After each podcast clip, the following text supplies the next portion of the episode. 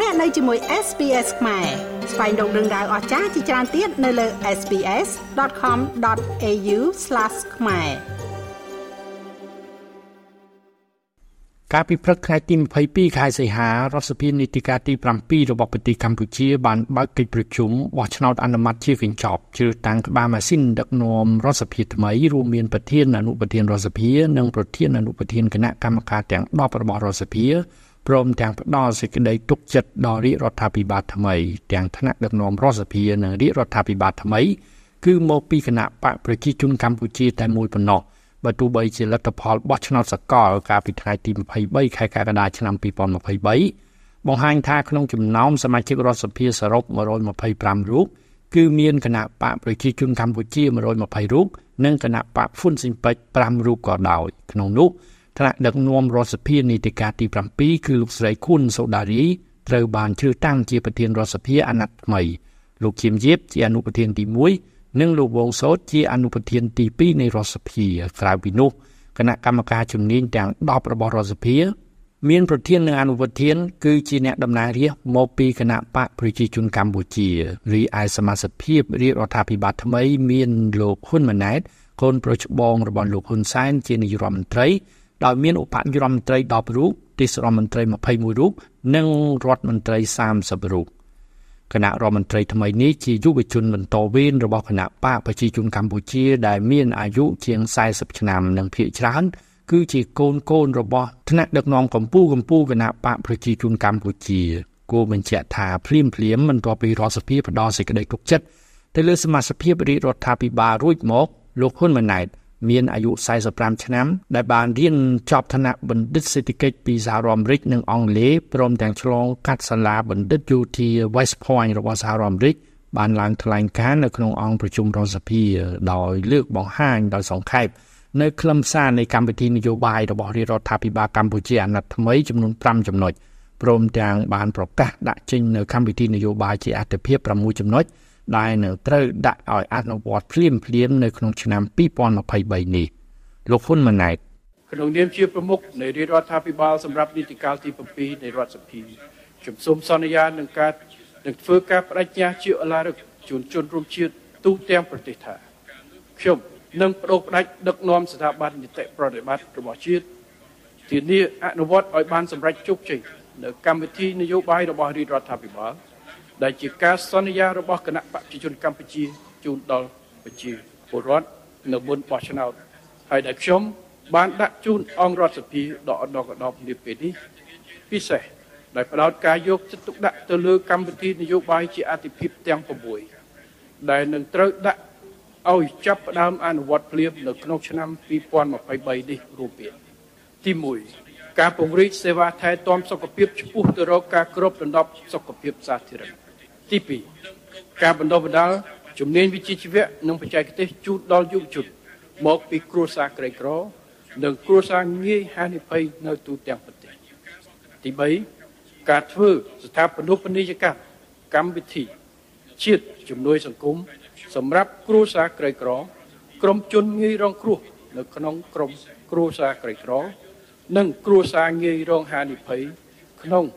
នៅក្នុងគ្រាមានវិបត្តិសេដ្ឋកិច្ចនិងគ្រាមានគ្រោះអាសន្នទី4ការដាក់ចេញនឹងការជំរុញអនុវត្តយុទ្ធសាស្ត្រអភិវឌ្ឍសេដ្ឋកិច្ចក្រៅប្រព័ន្ធឲ្យមានលទ្ធភាពចូលរួមនៅក្នុងសេដ្ឋកិច្ចក្នុងប្រព័ន្ធនិងអាចទទួលបានផលប្រយោជន៍ពីប្រព័ន្ធគាំពារសង្គមផ្លូវការទី5ការដាក់ចេញនូវយន្តការសម្របសម្រួលនិងកម្មវិធីហិរញ្ញប្រធានសម្ដៅលើកស្ទួយផលិតកម្ម រកទីផ្សារនិងរក្សាលំនឹងថ្លៃកសិផលសំខាន់សំខាន់ក្នុងកម្រិតសមរម្យនិងទី6គឺការដាក់ពង្រាយមន្ត្រីបច្ចេកទេសកសិកម្មទៅគ្រប់ឃុំសង្កាត់ដែលមានសកម្មភាពកសិកម្មនៅទូទាំងប្រទេសនិងការរៀបចំឲ្យមានសមាគមកសិករនៅតាមជនបទ ជាមួយគ្នានោះក្រោយរដ្ឋសភាបញ្ចប់កិច្ចប្រជុំនៅព្រឹកថ្ងៃទី22ខែសីហាលោកហ៊ុនសែនក្នុងនាមជាអតីតនាយករដ្ឋមន្ត្រីនិងក្នុងនាមជាប្រធានគណៈបកប្រជាជនកម្ពុជាដែលជាឪពុកនាយករដ្ឋមន្ត្រីថ្មីរបស់កម្ពុជាក៏បានធ្វើសន្និសីទកាសែតនៅវិមានរដ្ឋសភាក្នុងរាជធានីភ្នំពេញលោកហ៊ុនសែនដែលកាន់តំណែងជាតំណាងរាជខេត្តកណ្ដាលនៅពេលនេះបានប្រកាសពីបំណងប្រាថ្នារបស់លោកចង់ឃើញអ្នកបន្តវេនធ្វើឲ្យសម្រេចបាននូវកិច្ចការសំខាន់ពីរយ៉ាងគឺទី1 បន្តថែរក្សាឲ្យបាននូវសុខសន្តិភាពនិងស្ថិរភាពនយោបាយនៅកម្ពុជា ទី2សម្រាប់ឲ្យបាននូវការដឹកនាំកម្ពុជាចាក់ចេញពីប្រទេសដែលមានការអភិវឌ្ឍតិចតួចក្លាយទៅជាប្រទេសមានប្រាក់ចំណូលមធ្យមកម្រិតខ្ពស់នៅឆ្នាំ2030និងជាប្រទេសដែលមានប្រាក់ចំណូលខ្ពស់នៅឆ្នាំ2050ហើយអត្រានៃភាពក្រីក្រនៅកម្ពុជាត្រូវបានកាត់បន្ថយលោកហ៊ុនសែនយើងទុកមរតកឲ្យគេអំពីសន្តិភាព និងស្ថិរភាពនយោបាយ យើងក៏ចង់ឲ្យពួកគេបន្តរក្សានៅសន្តិភាពនិងស្ថិរភាពនយោបាយជាបន្តទៀតហើយមួយទៀតគឺចង់ឲ្យពួកគេសម្រេចឲ្យបាននៅការចាក់ចេញពីប្រទេសដែលអភិវឌ្ឍតិចតួចនិងคล้ายទៅជាប្រទេសដែលមានការអភិវឌ្ឍមានចំណូលមធ្យមកម្រិតខ្ពស់និងប្រទេសដែលមានចំណូលខ្ពស់អត្រានៃភាពក្រីក្រត្រូវកាត់ទម្លាក់ឲ្យដល់សូន្យឬក៏ ទាបបំផុតនោះហើយជាមរតកដែលយើងចង់បានបន្ថែមលើនោះ យើងក៏ចង់ឃើញនៅអ្វីអ្វីដែលវាបានកាត់ឡើងបន្ថែមលើសមិទ្ធផលចាស់ដែលយើងបានបង្កើតនៅទីនេះរាប់ទាំងការប្រែប្រួលអំពីស្ថានភាពតេតិនជាមួយនឹងបរិយាកាសសង្គមរបស់យើងផងដែរកម្រិតអប់រំរបស់ប្រជាជនត្រូវមានខ្ពស់ឡើង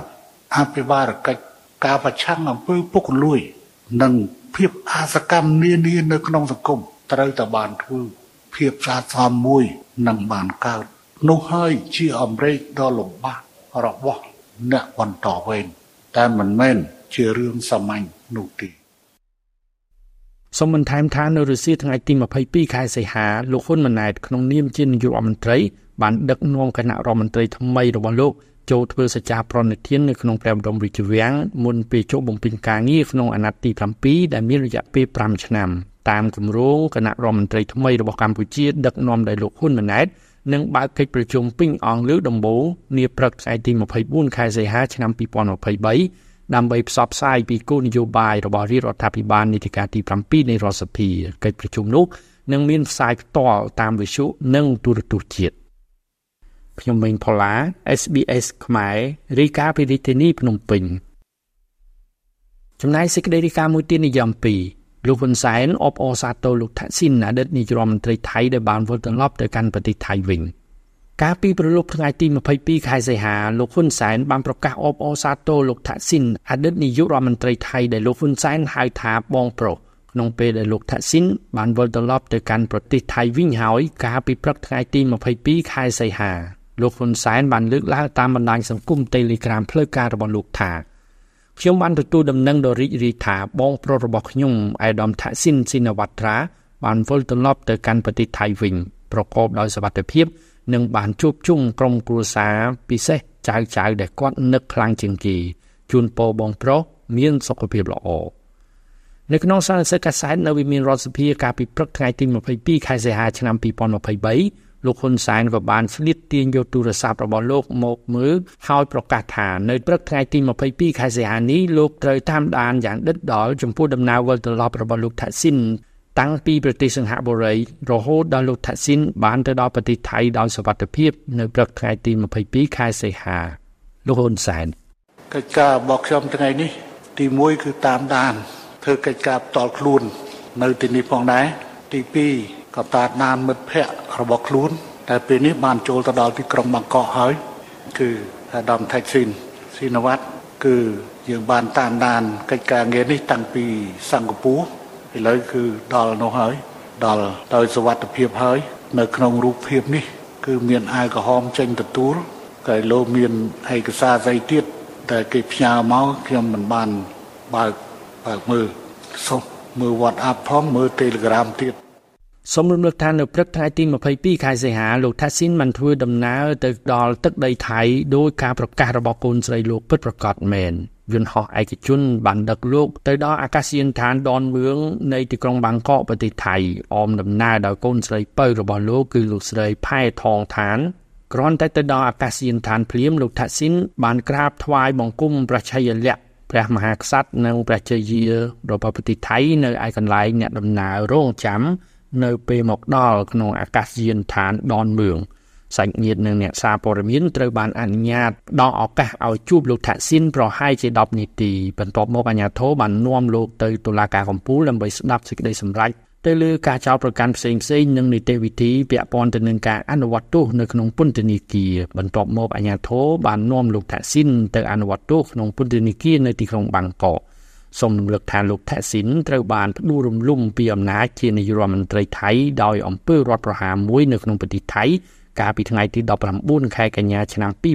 2006លោកថាក់ស៊ីនបច្ចុប្បន្ននេះមានអាយុ74ឆ្នាំលោកធ្លាប់វិលត្រឡប់ចូលប្រទេសថៃម្ដងហើយហើយក្រោយមកលោកត្រូវបង្ខំចិត្តចាក់ចេញកាលពីឆ្នាំ2008ដើម្បីជៀសវាងការជាប់ពន្ធនាគារតុលាការបានរកឃើញថាលោកមានទោសកំហុស ដោយការចោទប្រកាន់4ករណីនិងបានសម្រេចផ្តន្ទាទោសលោកថាស៊ីនជាប់ពន្ធនាគារ8ឆ្នាំសូមរំលឹកបន្ថែមថាលោកហ៊ុនសែននិងលោកថាស៊ីនបានរាប់អានគ្នាជាបងប្អូនធរហើយមានទំនាក់ទំនងយ៉ាងជិតស្និទ្ធតាំងពីឆ្នាំ1992មុនពេលដែលលោកថាស៊ីនធ្វើជានាយករដ្ឋមន្ត្រីថៃកាលពីថ្ងៃទី5ខែសីហាឆ្នាំ2023លោកថាស៊ីនស៊ីនវត្រានិងប្អូនស្រីគឺលោកស្រីយីងឡាក់ បានមកចូលរួមដោយស្ងាត់ស្ងាត់នៅក្នុងពិធីខួបកំណើតរបស់លោកហ៊ុនសែនគម្រប់71ឆ្នាំដែលត្រូវបានរៀបចំឡើងនៅឯភូមិគ្រឹះរបស់លោកហ៊ុនសែននៅទីក្រុងតាខ្មៅក្នុងខេត្តកណ្ដាលជាប់រាជធានីភ្នំពេញកាលនោះលោកហ៊ុនសែនបានថ្លែងប្រាប់សារព័ត៌មានក្នុងស្រុក Free New ថាលោកថាស៊ីននិងប្អូនស្រីលោកស្រីយីងឡាក់បានស្នាក់នៅភូមិគ្រឹះរបស់លោកនៅក្នុងទីក្រុងតាខ្មៅមួយយប់លុះព្រឹកឡើងបន្ទាប់ពីសោះស្រូបអាហារពេលព្រឹកជាមួយលោកហើយនោះ លោកថាស៊ីននិងលោកស្រីយីងឡាបានហោះចេញពីកម្ពុជាប្រព័ន្ធ TikTok ផ្លូវការរបស់លោកហ៊ុនសែនក៏បានបង្ហោះវីដេអូក្នុងពិធីខួបកំណើតជាលក្ខណៈគ្រួសារនៅថ្ងៃទី6ខែសីហាដោយភ្ជាប់ខ្លឹមសារថាឆ្នាំនេះកូននិងចៅមកជួបជុំនិងមានបងធွာប្អូនធွာមកចូលរួមខួបកំណើតនៅផ្ទះដែរខ្ញុំមេងផល្លា SBS ខ្មែររីកាពីរាជធានីភ្នំពេញ